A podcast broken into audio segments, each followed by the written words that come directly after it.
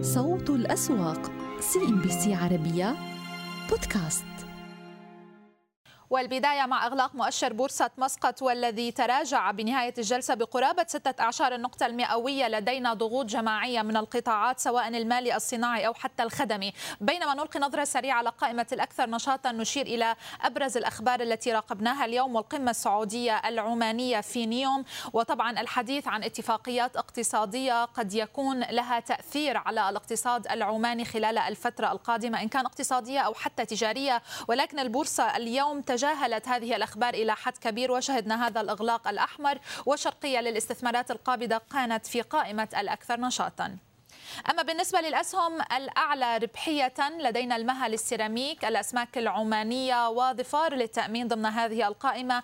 الارتفاعات الأكبر بالنسبة للمهل السيراميك بقرابة العشرة في المئة. بالنسبة لقائمة التراجعات كما تحدثنا التراجعات التراجعات طالت القطاعات الثلاث اليوم سواء المالي الخدمي أو حتى الصناعي. الحسن الهندسية لدينا بصدارة قائمة التراجعات والبنك الوطني العماني أيضا اليوم على تراجعات بأكثر من 6% 100% بالنسبة لإغلاق مؤشر سوق البحرين أغلقنا عند مستويات الافتتاح 1575 نقطة وهذه ثاني جلسة نشهد نفس هذه المستويات عند الإغلاق. لم يكن لدينا الكثير من التحركات بالنسبة للأسهم.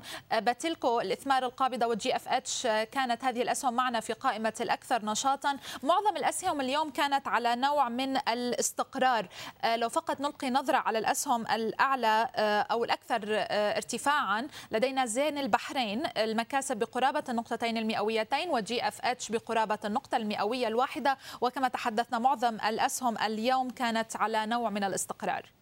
في الأسواق الإماراتية الأبرز كان بالنسبة لمؤشر سوق أبو ظبي والذي لأول مرة في تاريخه يغلق فوق مستويات السبعة آلاف نقطة تحديدا سبعة آلاف واثنين وعشرين نقطة بينما مؤشر سوق دبي لا يزال دون الألفين وثمانمائة.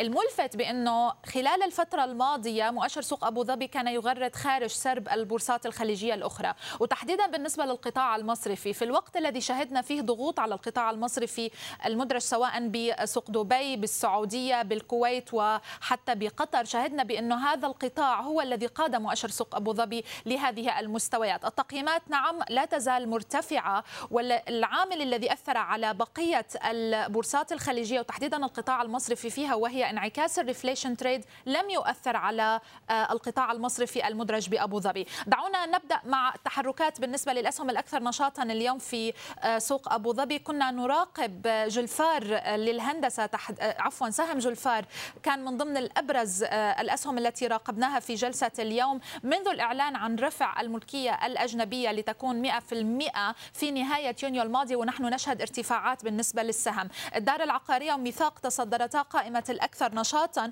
والملفت أيضا بأنه آه، بنك أبو ظبي الأول اليوم آه، حصد معظم السيولة في البورصة أبو ظبي تقريبا 327 مليون درهم ولدينا سهم العالمية القابضة أيضا استحوذت على 310 ملايين آه، درهم. إذا راقبنا آه، أبو ظبي الأول. آه، سهم جلفار بما أنه ارتفع لأعلى مستويات في أكثر من عامين بعد يعني هذا المسار الصاعد شهدناه على مدى الجلسات الماضية من الإعلان عن زيادة التملك الأجنبي ل 100% و IHC أو العالمية اليوم على نوع من الاستقرار بعد عدد طويل من الجلسات تقريبا ثمانية أو تسع جلسات من الارتفاعات المتتالية يعود إلى نوع من الاستقرار. بشكل سريع إلى سوق دبي شهدنا شهدنا تباين في أداء القياديات على مدى الجلسات الماضية. وتحديدا بالنسبة للقطاع المصرفي اليوم آه، لا نزال نشهد ضغوط على القطاع المصرفي المدرج بسوق آه، دبي بتقريبا نصف النقطة المئوية وكذلك الأمر آه، إلى حد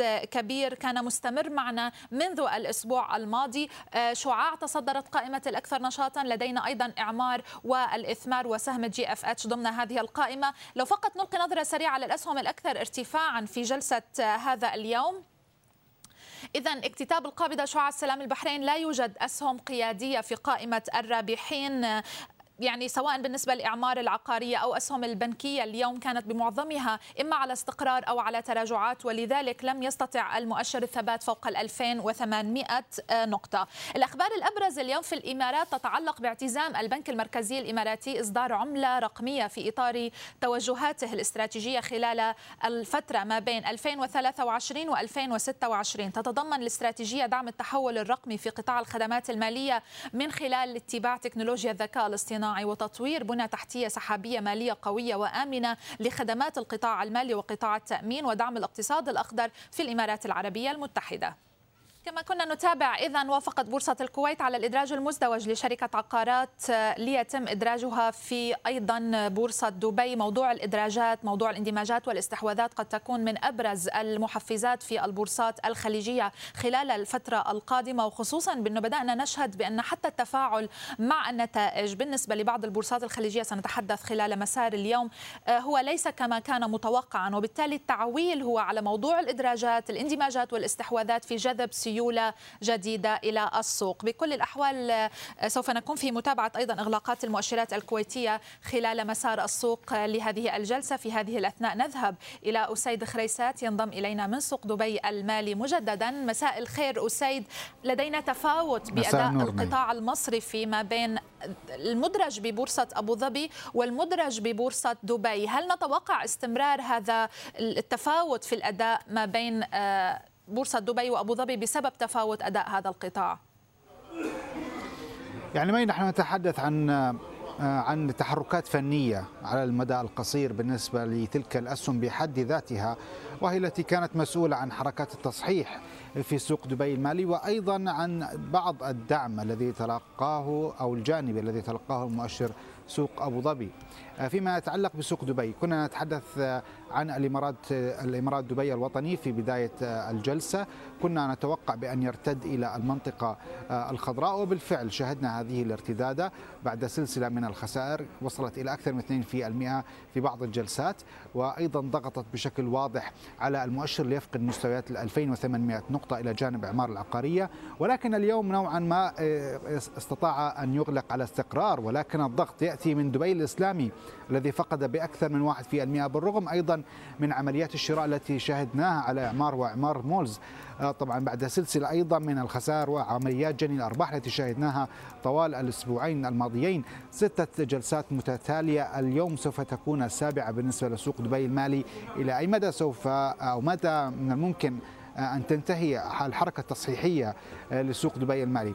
آه، على العكس من سوق أبو ظبي. طبعا السبب الرئيسي هو ضخ السيولة الواضح من محافظ محلية ضمن خطة استراتيجية لسوق أبو ظبي الذي شاهدناه خلال الربع الثاني أيضا مستكملا آه، تلك تلك ضخ السيولة في أسهم معينة بحد ذاتها كذلك، نحن نتحدث عن أبو ظبي الأول الذي أيضا يرتد ويتحرك تحركا فنيا على المدى القصير بعد أيضا بعض عمليات جني الأرباح ولكن بشكل عام الأسهم آه، هناك أسهم قيادية أخرى أيضا ذات وزن أثرت على المؤشر العام ليصل آه، كما ذكرت إلى مستويات تاريخية جديدة فوق مستويات 7000 نقطة مع الحفاظ على المعدل اليومي لقيم التداولات التي تتجاوز المليار و200 مليون درهم. في سوق دبي اليوم لم تتجاوز ال 140 مليون درهم. طبعا آه، نلاحظ هذا الفرق الواضح في قيم آه، التداولات آه، بشكل عام. شكرا جزيلا لك أسيد خريسات كنت معنا من سوق دبي المالي. إذا مؤشر البورصة القطرية لا يزال آه، يغلق دون مستويات العشرة آلاف وثمانمائة نقطة بالنسبة لجلسة اليوم.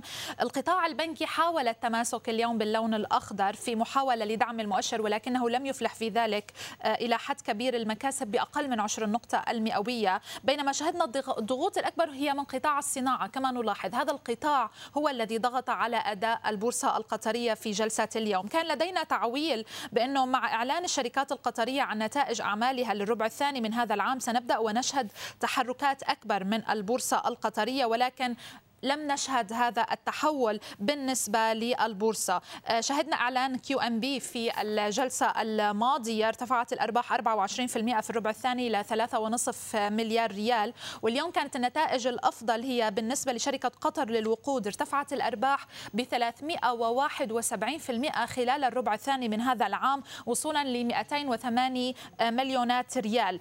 آه، هذه الارتفاعات التي شهدناها في الأرباح عن الربع الثاني هي مبررة بالفعل بالارتفاعات التي شهدناها سواء أسعار النفط ببوادر التعافي الاقتصادي بالتحسن والتعافي من بواد من جائحة كورونا وبالتالي جاءت إلى حد كبير مبررة. ولكن بالنسبة لتفاعل السهم تحديدا بالنسبة لسهم قطر للوقود أغلق اليوم الجلسة على تراجعات بقرابة ثلاثة اعشار النقطة المئوية بعد الإعلان على هذه النتائج. ويبقى كل القطاع الصناعي عموما اليوم باللون الأحمر ويضغط على المؤشر إن كان سعيد للبتروكيماويات صناعات قطر اليوم أيضا على تراجعات بقرابة نقطة مئوية واحدة. آه يعني فقط لدينا سهم أريد في قائمة المكاسب بقرابة النقطتين مئويتين. بكل الأحوال قبل أن نذهب إلى معمر عواد نشير فقط إلى البيانات الصادرة عن البنك التجاري القطري القطري حيث سحب البنك التجاري القطري عرضه للاستحواذ على 15.2% من أسهم البنك الوطني العماني وذلك لعدم موافقة الحد الأدنى من مساهمي البنك الوطني العماني على عرض الاستحواذ وفق بيان للشركة على موقع بورصة قطر.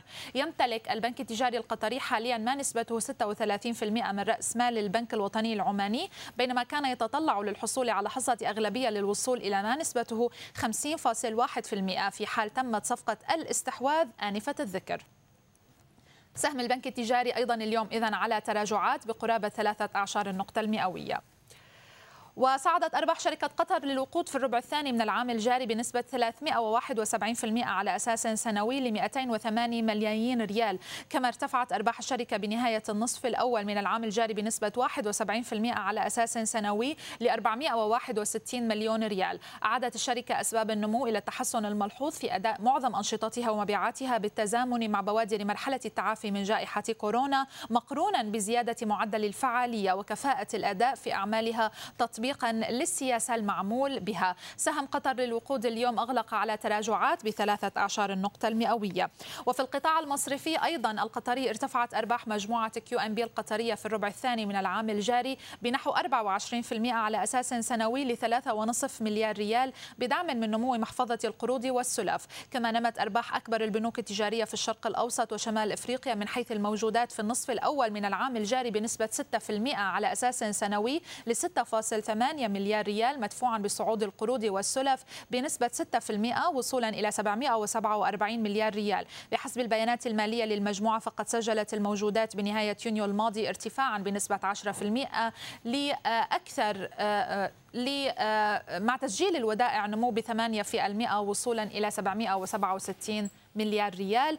QNB اليوم مكاسب بقرابة فقط عشر النقطة المئوية وهذا ما يفسر بأن القطاع المصرفي اليوم لم يتمكن من تحقيق مكاسب أكبر بحكم أن QNB سجل فقط مكاسب بعشر النقطة المئوية.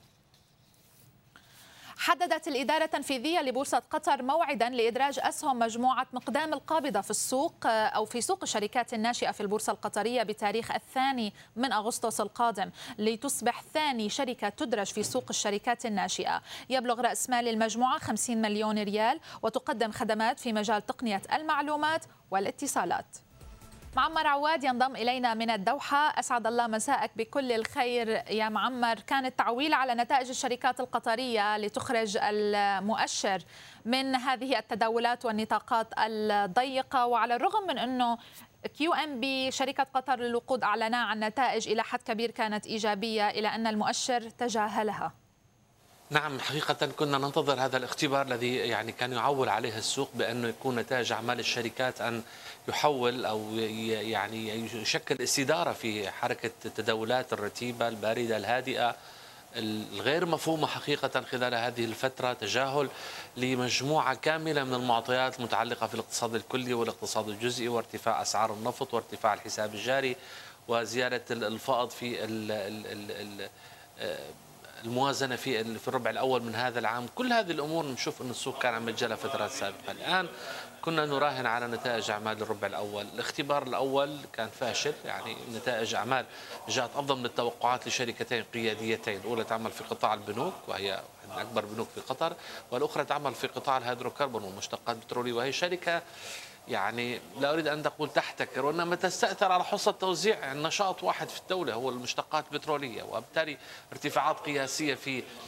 في في في صافي الأرباح. بنشوف أنه سهم عم يتراجع اليوم بينما QNB تفاعل السوق كان معه يعني حد ما بارد يعني ارتفاعات طفيفة بعشر النقطة المئوية. يعني أيضا على مستوى الأحجام والقيم شفنا ردة السوق كما كانت عليه. يعني بالكاد وصلنا ل 330 مليون أقل من 100 مليون سهم. المؤشر يعني ما زال في اتجاهه الهابط يعني أكد بقاء دون مستوى ال 10800 نقطة. الآن سوف تستكمل يعني رحلة نتائج أعمال الشركات. اليوم عندنا ناقلات الغاز غدا مصرف قطر الإسلامي. لدينا 13 شركة تقريبا 25% من عدد الشركات المدرجة سوف تفصح هذا الأسبوع. ولكن يعني البداية مع QNB وقطر الوقود لم تكن مشجعة. كثير من الاتصالات اليوم وردتنا. هناك من استفسر لماذا هذا الأداء الرتيب يعني حقيقة في هذا السوق. طبعا هناك قد يكون جملة من الأسباب لكن السبب الرئيسي والمباشر بأنه ملح السوق المضاربين اختفوا في الفترة الأخيرة لم يعودوا ظاهرين في السوق. وهذه المضاربات كانت عم تخلق متوسطات تداول في الشهر الأول من هذا العام. بحدود 500 مليون. نحن بالكاد نصل إلى 300 مليون في فترة ذهبية وهي فترة الربع الثاني قياسا بربع مناظر العام الماضي ارتفاعات على مستوى الإيرادات الأرباح التحسن في الاقتصاد إعادة فتح الاقتصاد من جديد. لكن عم نشوف التداولات رتيبة. بقية أسواق المنطقة تصعد تسجل أرقام قياسية بينما المؤشر القطري ما زال يحوم ضمن ضمن حلقة مفرغة. يعني بما أنك يعني ذكرت هذا الموضوع معمر هل من الممكن القول بأنه آه، ما يحدث في البورصات الخليجية الأخرى وهذه المكاسب القياسية تسحب السيولة تجاهها بشكل أكبر؟ يعني هل لدينا اليوم منافسة على هذه السيولة ضمن البورصات الخليجية؟ بكل تأكيد يعني رأس المال يبحث عن الفرص في في المنطقة وبالتالي شفنا مراجعة MSCI الأخيرة أخرجت سيوله ب 740 مليون ريال قطري. المخاوف ربما قد تكون في مراجعة مقبلة في اب اغسطس المقبل المراجعة الربعية لل MSCI. هناك بعض المخاوف إنه ربما قد تكون تخفيض أوزان لأنه معايير ال MSCI وال FTSE هي حجم السيولة وال traffic والتداولات ومعدل دوران الأسهم. هذا الأداء الرتيب في التداولات ممكن يعني بشكل أو بآخر يوضع على طاولة ال MSCI ربما قد يكون تخفيض اوزان لما لا؟ يعني يجب أن لا نستغرب هذا الأمر لأنه بالنهاية هالمراجعات تأتي بناء على مجموعة من المعطيات بما فيها نسبة التملك وكذلك أيضا حركة التداول على الأسهم آه، ذاتها. آه، فبالتالي نعم ممكن قد يكون جزء من السيوله إلى الأسواق المنطقة لكن الغريب حقيقه أنه المؤسسات المحلية التي من المفترض أن تكون هي صانع سوق أو حامي السوق هي من تقوم بعمليات البيع يعني كل ما بنشوف أن السوق كما يقال بالعامية شم نعم. يعني أخذ نفسه بنشوف إنه المؤسسات المحلية عم بتبيع الأفراد مضاربين دخول وخروج ولكن المضاربين الرئيسيين اللي كانوا ملح السوق وكان في حركة وكان في رشاقة في التداولات الآن يعني اختفوا عن المشهد بشكل أو بآخر. لذلك أما نشوف هذا الشكل الرتيب. ولكن يعني أعتقد بأنه الهيئة وإدارة البورصة وغيرها ربما قد يخلق أدوات لتحفيز السوق من جديد وبالتالي عوده إلى متوسطات التداولات التي كانت لا تقل عن 500 مليون في الجلسة الواحدة كمتوسط تتحدث هنا. شكرا جزيلا لك معمر عواد كنت معنا من الدوحة. تباين في الأداء بالنسبة للمؤشرات الكويتية. الرئيسي بالأخضر مكاسب طفيفة العام والأول بالأحمر والضاغط هو القطاع المصرفي وتحديدا على مؤشر الكويت الأول. ولكن اللافت هو حجم السيولة. قيمة يعني نتحدث تقريبا عن آه، أكثر من 50 مليون دينار كويتي كما توقع أسامة في وقت سابق اليوم. وصلنا لمستويات فاقت ال 50 مليون دينار كويتي بالنسبة لأداء هذه الجلسة. لم يكن لدينا أخبار بحد ذاتها أو نتائج شركات قيادية في السوق الكويتي ولكن هو فقط نوع من الارتداد نشهده وسيولة قوية في جلسة اليوم. صوت الأسواق CNBC عربية بودكاست. أهلا بكم من جديد. ارتداد خضراء للمؤشر السعودي باللحظات الأخيرة مع الإغلاقات التي شهدناها في تداولات اليوم. استرد فيها مستويات ألاف وسبعمائة نقطة لكن مع فترة المزاد تراجع عندها بشكل طفيف عند عشرة ألاف وستمائة وثمانية وتسعين نقطة. بقيت المكاسب فقط بحدود عشر النقطة المئوية. السيولة ما زالت لم تستطع اليوم أيضا تجاوز مستويات التسعة مليار ريال بصافي. بيع اقترب من 261 مليون و400 440 ألف ريال سعودي. عادت بعض القطاعات الخضراء اليوم أيضا لبعض المكاسب بدعم من القطاع البنكي. شهدنا هذه الارتداد واللي كان ضاغط على السوق بالجلسة السابقة. البنوك عادت طبعا بارتفاعات طفيفة جدا. قلصت مع فترة المزاد هذه الارتفاعات. الاستثمار والتمويل بثلاث أعشار. البرمجيات أضفنا أكثر من 2 و14 نقطة المئوية. إدارة وتطوير العقار على بعض التراجع. اليوم في دخول جيد على ما يبدو على قطاع التأمين بأكثر من 2% وتابعنا طبعا الدرع العربي والأهلي تكافل بعد ما تم تعليق أسهمهما للإعلان عن آه، خبر آه، جوهري بانتظار آه، ما ستعلن عنه الشركتان في الأيام المقبلة. التأمين عموما كان أيضا عليه مكاسب مع أكثر 2 في المئة. كان في تحركات كذلك على الريتات. اليوم أضفنا نصف النقطة المئوية مع نهاية هذه الجلسة. دعونا نلقي نظرة على الأكثر نشاطا. كيف تحركنا اليوم؟ دار الأركان بقي في الواجهة. كيمانول عمل جني أرباح بعد صعود اقترب من 5% مع إطفاء الشركة لخسائرها المتراكمة. دخول جيد على بعض أسهم البتروكيماويات من جلسة يوم أمس. اليوم التصنيع الوطني يقفز للواجهة ب 8 مليون و700 ألف سهم كيان وسهم الإنماء كذلك على نشاط. الأكثر طبعا ربحا اتجهت لإعطاء التعليمية أمانة للتأمين بوبا العربية بحر العرب وإسمنت الرياض. أضاف أكثر من 3.7 النقطة المئوية لكن التحركات بدأت على تراجعات على مجموعة السعودية للأبحاث والإعلام. كذلك جني أرباح فوق الأربع بالمئة على السهم السعودي الفرنسي خسر 3% عذيب للاتصالات جيبسيكو وسهم الغاز تراجع لمستويات الأربعين عشرة. كان طبعا الأسهم القيادية منها الراجحي. اليوم دعم هذا الصعود وعكس الاتجاه بالنسبة للسوق ليقفز بقرابة الواحد في المئة. دخول جيد اليوم على سابق بالسيولة ب 18 117 ريال 80 هللة بقي هناك تراجعات على البنك الأهلي التجاري جبل عمر وأرامكو السعودية اللي بانتظار نتائجها ب 8 أغسطس لفترة الربع الثاني. لكن لاحظنا كما ذكرنا قطاع التأمين الراجحي سابك STC التصنيع بوبا للتأمين والإنماء والتعاونية من الأسهم التي دعمت هذه الارتفاعات مع نهاية التداولات. نسأل سيد محمد العمران رئيس المركز الخليجي للاستشارات المالية عن هذه التحركات. أستاذ محمد أهلا بك معنا. أهلا. يا هلا والله. ارتدادة خضراء يعني مع نهاية الجلسة وكنا يمكن قبل فترة المزاد استردينا ال 10700 برأيك إلى أي مدى ما تبقى من يعني جلسات لهذا الأسبوع قبل عطلة عيد الأضحى ممكن يعزز السوق من مكاسبه؟ هل ممكن ذلك؟ آه، بسم الله الرحمن الرحيم. آه، ممكن جدا يعني السوق لنا ست جلسات آه، بخسائر. اليوم نقدر نقول رابع جلسة نتداول تحت مستوى ال 11000 نقطة. لكن الإيجابي في جلسة هذا اليوم تحديدا أن هناك بوادر انعكاس في الاتجاه للأعلى. برزت بشكل واضح في آخر ساعتين من التداولات على الرغم أن المزاد يعني كان سلبي. لكن بشكل عام يعني يبدو أننا قريبين جدا من عكس الاتجاه. حيبين معنا أكثر ونتأكد من هذا آه، يوم غد بإذن الله. لكن المؤشرات تشير إلى أن آه، يبدو أن السوق فعلا آه، يحاول عكس الاتجاه للأعلى ويستهدف مستويات ال 11000 نقطة مجددا. لكن لا أعتقد أنها حتتم يعني قبل إجازة عيد الأضحى المبارك.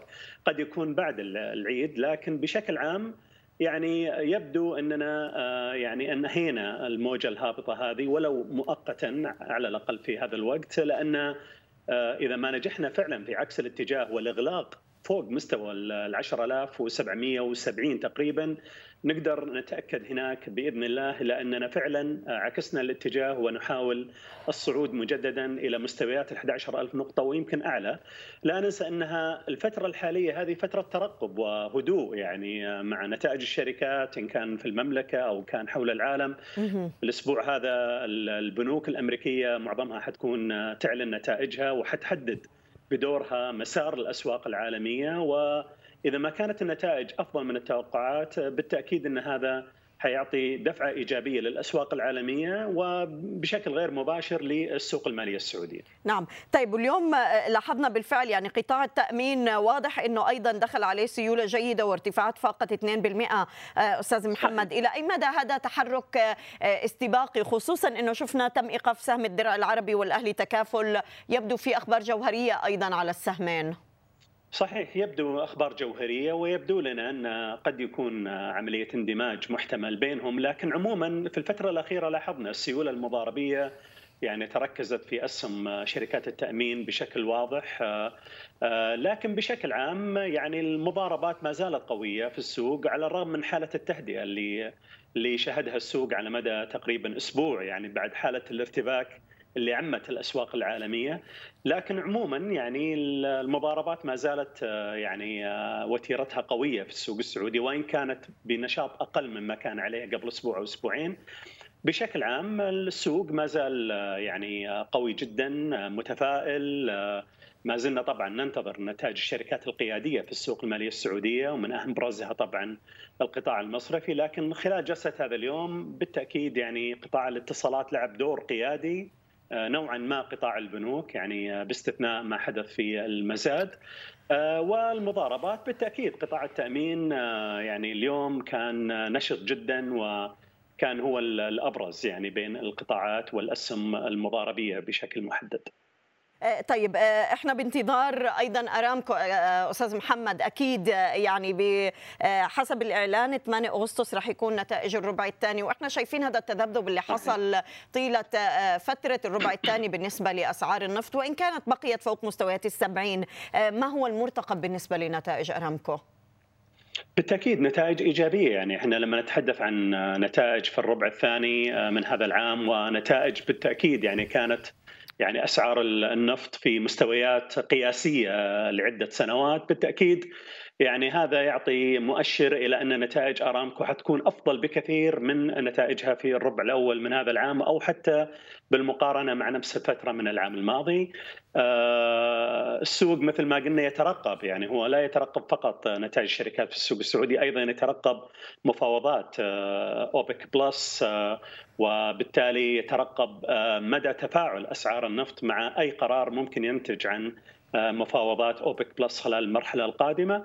لكن إذا نظرنا إلى نتائج الربع الثاني بالتأكيد بالنسبة لأرامكو نتائج حتكون كما هو متوقع أفضل من الربع الأول من هذا العام وأفضل أيضا من نفس الفترة من العام الماضي. نعم، في بعض الأخبار يعني اللي اطلعت عليها CNBC أستاذ محمد تتحدث بانه الصندوق السيادي السعودي راح يتجه لإصدار أول سندات خضراء بالربع الأخير واستراتيجية جديدة على ما يبدو ستعتمد على الاستثمارات الصديقة للبيئة، اليوم كيف يمكن أن نقرأ هذا التوجه وقد نتوقع إنه يكون في يعني إقبال واضح على هذا النوع من السندات من قبل المستثمرين كون في دول أخرى كانت عم تتجه لنفس الإصدارات. صحيح. يعني هو يعني من عدة سنوات يعني صندوق الاستثمارات العامة لمح إلى نيته بإصدار أدوات دين. يعني إن كانت سندات أو صكوك أو إن كانت سندات خضراء أو صكوك خضراء. يعني هو توجه بهدف تنويع مصادر التمويل وبالتالي يحاول أن يقتنص الفرص الاستثمارية حول العالم. بشكل عام يعني في الفترة الأخيرة معظم الدول والشركات الكبرى حول العالم بدأت تتجه إلى السندات والصكوك الخضراء لأنها متماشية مع المتطلبات البيئية مثل ما هو معروف هناك أيضا مفاهيم جديدة في الاستثمار من ضمنها الاستثمارات الأخلاقية ال ethical investments اللي بدورها طبعا تحاول أن تستثمر في نشاطات مفيدة للمجتمع وللبيئة وللنشاطات الاقتصادية بعيدا عن أي ضرر يعني ممكن يأثر على الاقتصادات. وبالتالي مثل هذا النوع من الاستثمارات إن كان استثمارات خضراء أو استثمارات أخلاقية بالتأكيد إن هذا توجه استراتيجي للمستثمرين حول العالم واعتقد هذا هو المستقبل خلال المدى الطويل نقدر نقول إن كان كاستثمار أو إن كان كإصدار أدوات دين يعني تكون متوافقة مع البيئة ومتوافقة مع المفاهيم الأخلاقية في الاستثمار. طيب آه، يعني وإحنا عم نتجه ل آه، طبعا عطلة طويلة نسبيا أستاذ محمد. اليوم آه، ما هي النصيحة اللي ممكن نقدمها بالنسبة للمستثمر لتكوين محفظته؟ وأريد أن أسأل أيضا عن ملكية الأجانب لأنه إحنا شايفين بالأسبوع يعني الماضي كنا شهدنا تراجع لملكية الأجانب بحدود 745 مليون دولار. هل نتوقع بعد عطلة العيد إنه يزيد زخم وتمركز الأجانب بالسوق؟ يعني بشكل عام السوق السعودي يعني يتميز بالسيولة، يتميز بحالة التفاؤل والنمو الكبير المتوقع في الأرباح الشركات وفي الإيرادات وهذا عامل جذب مهم للسيولة الأجنبية، يعني يجب أن لا ننظر للسيولة الأجنبية على أسبوع واحد فقط، يجب أن ننظر إلى مدى أطول يعني إن كان على أداء شهري أو أداء ربع سنوي. وما زال إلى الآن يعني نظرنا له بين أداء شهري أو ربع سنوي ما زالت سيولة يعني إيجابية بمعنى انه يتم ضخ أموال أكثر مما يتم سحبها وهذا يوضح اهتمام المستثمرين الأجانب ما زال إلى الآن في السوق المالية السعودية على الرغم من اكتمال ترقية السوق قبل أكثر من سنتين أو ثلاث سنوات. ودائما وابدا رأس المال جبان يبحث عن العائد يبحث عن الفرص الموجودة وما دام الفرص ما زالت موجودة في السوق المالية السعودية بالتأكيد حنشوف جذب أكبر ولو إن وجهة نظري يمكن حتكون متوجهة إلى السندات الحكومية بشكل مركز على أساس إنها تعطي عوائد مغرية جدا. يعني اليوم الأدوات الدين الحكومية في المملكة إن كان بالريال أو بالدولار تعطي على مدى 30 سنة آه، عوائد أكثر من 3 أو 4% وهذا بالتأكيد عامل جذب مهم جدا لأدوات استثمار عديمة المخاطر أو قليلة المخاطر نقدر نقول في الوقت اللي تعطي عوائد عالية جدا مقارنة بنظيراتها حول العالم وأعتقد هذا هو عامل الجذب الأكبر اللي حنشوفه خلال المرحلة القادمة بالنسبة للسيولة إن كان استثمارية من داخل المملكة أو من خارج المملكة. نشكرك سيد محمد العمران رئيس المركز الخليجي للاستشارات المالية كنت معنا من الرياض شكرا لك. شكرا حياكم الله. المؤشرات المصرية عادت أيضا لنطاقها الأخضر اليوم بمكاسب اقتربت ب 80 نقطة أضافها ال EGX 30 و 10233 نقطة. المكاسب اتبعت أيضا واتجهت لل 70 بأسهم مضاربية الواحد في المئة عند 2321 وال 100 كذلك عم بيواصل الارتفاعات في ثاني جلسات هذا الأسبوع قاربت في المئة. التحركات بدت على القيادية السنديات والبنك التجاري الدولي داعمة عند 54 جنيه 50 قرش وشهدنا أعلى المستويات عند 54 60 قرش بالنسبة للتجاري الدولي. ضمن القياديات أما المصرية للاتصالات عززت من مكاسبها ب 3.17 النقطة المئوية. هناك تحركات وعملية جني أرباح على بعض الأسهم العقارية منها إعمار مصر ب 18 النقطة المئوية. معامر جروب عند 80 قرش اليوم عم بيرتفع لمستويات 1.16 النقطة المئوية.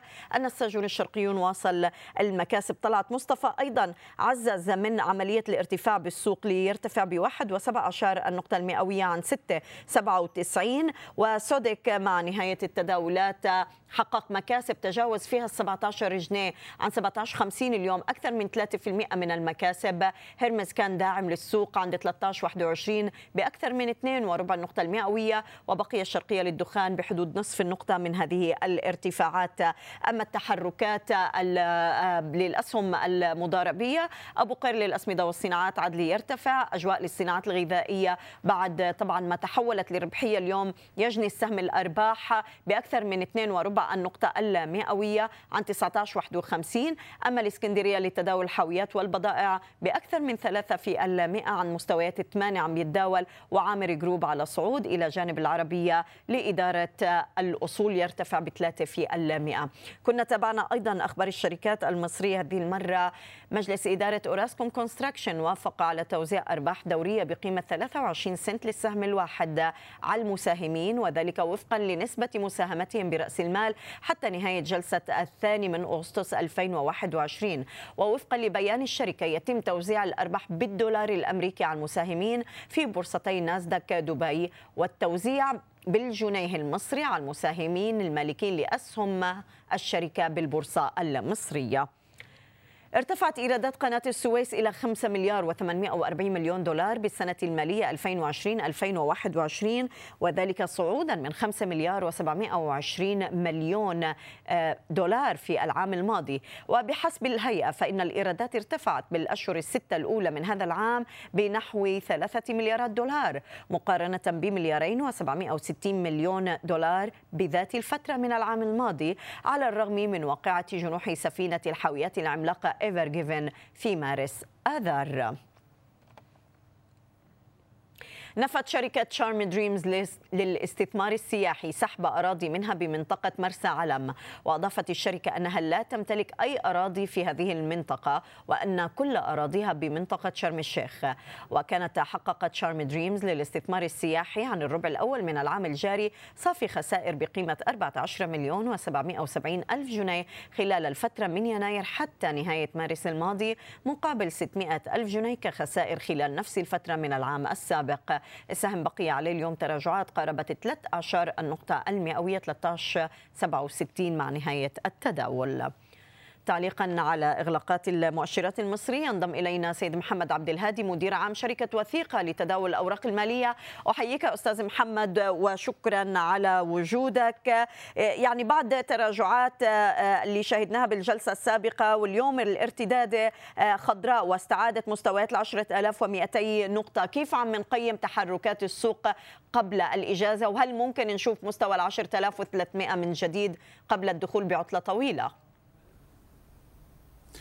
طيب هو اولا بسم الله الرحمن الرحيم واهلا وسهلا بحضرتك واهلا بكل القائمين ب CNBC وكل سنة وأنتم طيبين. وأنت طيب. دي مبدئيا يعني.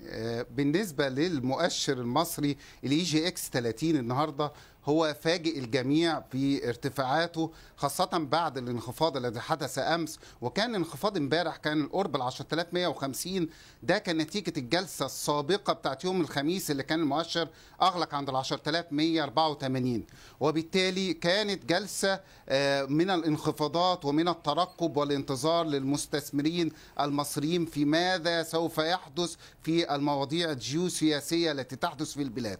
ولكن جاءت جلسة النهاردة وأنا بشير وقلت لحضرتك قبل كده أن موضوع الاوضاع الجيوسياسية الحادثة في البلاد بخصوص سد النهضة ده حدث من الأحداث اللي بتؤدي أو سبب من الأسباب اللي بتؤدي إلى نزول السوق ولكن ليس سببا رئيسيا.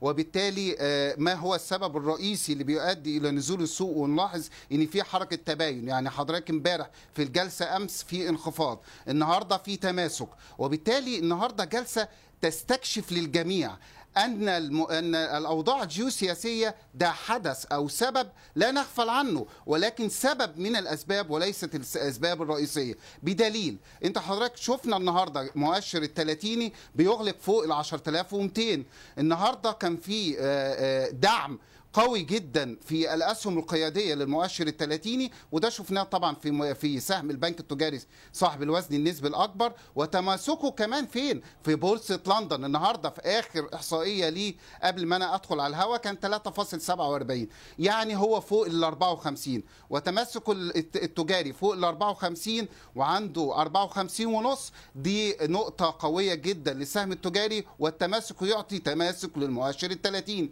بقيادة إيه؟ مجموعة من الأسهم الأخرى الموجودة في المؤشر الثلاثيني وخاصة أسهم العقارات. النهاردة الأخبار الهامة الخاصة بتعمير ليبيا. النهارده في حوالي 742 شركة تقدموا لإعمار ليبيا وتم اعتمادهم. السيد الرئيس ذهب إلى العراق وسوف يتم تعمير جزء من العراق في الشركات المصرية سوف تقوم بتعميرها. هذه أخبار جيدة جدا للسوق المصري. تعال حضرتك لسه حضرتك أشرتي أن إيرادات قناة السويس تقدر بحوالي 5.8 من عشرة مليار دولار. ودي كانت أكبر ارتفاع حدث. دي أخبار إيجابية. اما إحنا نقول عودة السياحة الروسية إلى مصر من وإلى مصر ومستهدف حوالي من 200 ل 400 ألف سائح سنويا. ووزيره وزير السياحة أشار أن إجمالي الإيرادات التي سوف تقدر من السياحة حوالي 6 مليار دولار. كل ذلك يؤدي إلى خفض عجز الموازنة في الدولة المصرية يؤدي إلى زيادة الثقة في الاقتصاد المصري. طب ما هو السبب؟ السبب اللي هو ضعف السيولة. مفيش محفزات في السوق المصري. النهارده دليل قوي ان موضوع سد النهضة لأن البورصة بتسبق الأحداث. أنا بقول لحضرتك من هنا من من CNBC بقول لحضرتك أن موضوع سد النهضه سوف يتم حله قريبا ويتم اعتماده وحله آه، بعون الله قريبا جدا في صالح مصر. بدليل إن النهارده السوق المصري كله متماسك والأسعار كلها في قوة شهر- آه، شرائية غير عادية. اشير لكل المستثمرين سيب سيب حضرتك من ال- الاسهم ال EGX 30 وال 70 أنه في قاعدة مهمة قوي إن سهمك هو مؤشرك. بغض النظر عن المؤشر ارتفع أو انخفض السهم بتاعك هو ده مؤشر لتمسكك بالسوق أو عدم تمسكك. نعم. هل هذا يعني إنه آه، قبل عطلة العيد اللي عادة ما بنشوف إعادة آه، تمركز المحافظ آه، أستاذ محمد آه، فيها آه، هل آه، يعني سنتماسك آه، حتى يعني قبل العيد بجلسة واحدة على الأقل؟ آه، ال- ال- القواعد العلمية في البورصة المصرية التي لا تخضع للقواعد العلمية آه، بتشير إن آه، لما يبقى في أجازة طويلة جدا بيؤدي إلى انتظار المستثمرين. ده شيء طبيعي. الحاجة الثانية إن آه، في ناس أو مستثمرين واخدين مارجن كتير جدا. فيقول لك أنا طب ما أنا أقعد ليه حوالي خمس أو عشر أيام أجازة ويتحمل بعبء تكلفة التمويل؟ ولكن البورصة المصرية كما حضرتك أشرتي تماما في عدة لقاءات تماما أنها بتعكس التوقعات. بمعنى حضرتك كما أشرت في عدة تقارير أنه يوجد نتائج إيجابية وأنا متابع مع حضرتك وسيادتك بدقة. نتائج إيجابية للورقة المالية ونجد إن الورقة المالية. آه، تهبط في نفس اليوم. وفي أخبار آه، بتسرب إن الورقة في أخبار سيئة وتلاقي إن السهم طلع.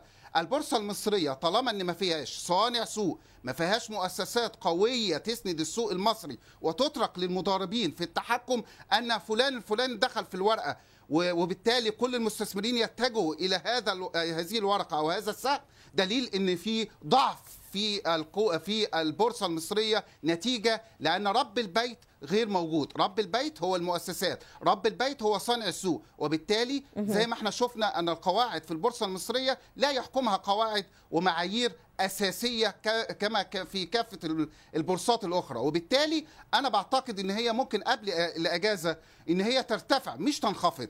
نتيجة لإن في انتهاز فرص وفي أسعار شراء قوية جدا في السوق المصري. وبالتالي أنا أعتقد إن هي هتتماسك في خلال الجلستين القادمتين إن شاء الله. نعم.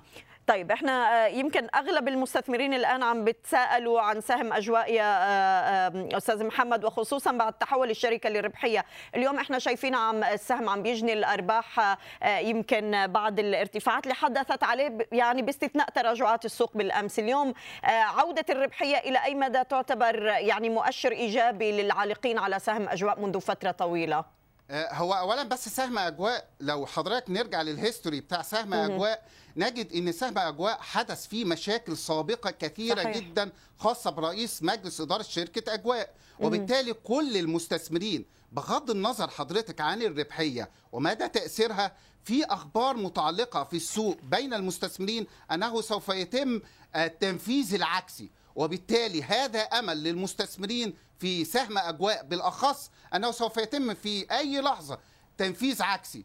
ولذلك إحنا شفنا في الفترة السابقة بسبب هذا الخبر الغير موجود والغير رسمي في آه، البورصة المصرية والتنفيذ العكسي آه، هو ده اللي مخلي سهم أجواء يرتفع في خلال الجلسات السابقة. بغض النظر عن الربحية النهارده طبعا بعد ما ارتفع الف- الفترة السابقة ارتفاعات قوية لازم يحدث فيه جني أرباح زي ما إحنا شايفين. ولكن بردك سوف يعاود الارتفاع مرة أخرى بعد تحقيق مستهدفاته الشرائية. لسبب زي ما أنا أشرت لحضرتك أن كل المساهمين الخاصين بسهم أجواء يتعلقون بخبر التنفيذ العكسي لسهم أجواء الذي حدث منذ أكثر من عشر سنوات. نعم ونشكرك أستاذ محمد عبد الهادي مدير عام شركة وثيقة لتداول الأوراق المالية. كنت معنا من القاهرة. شكرا لك. صوت الأسواق CNBC عربية بودكاست.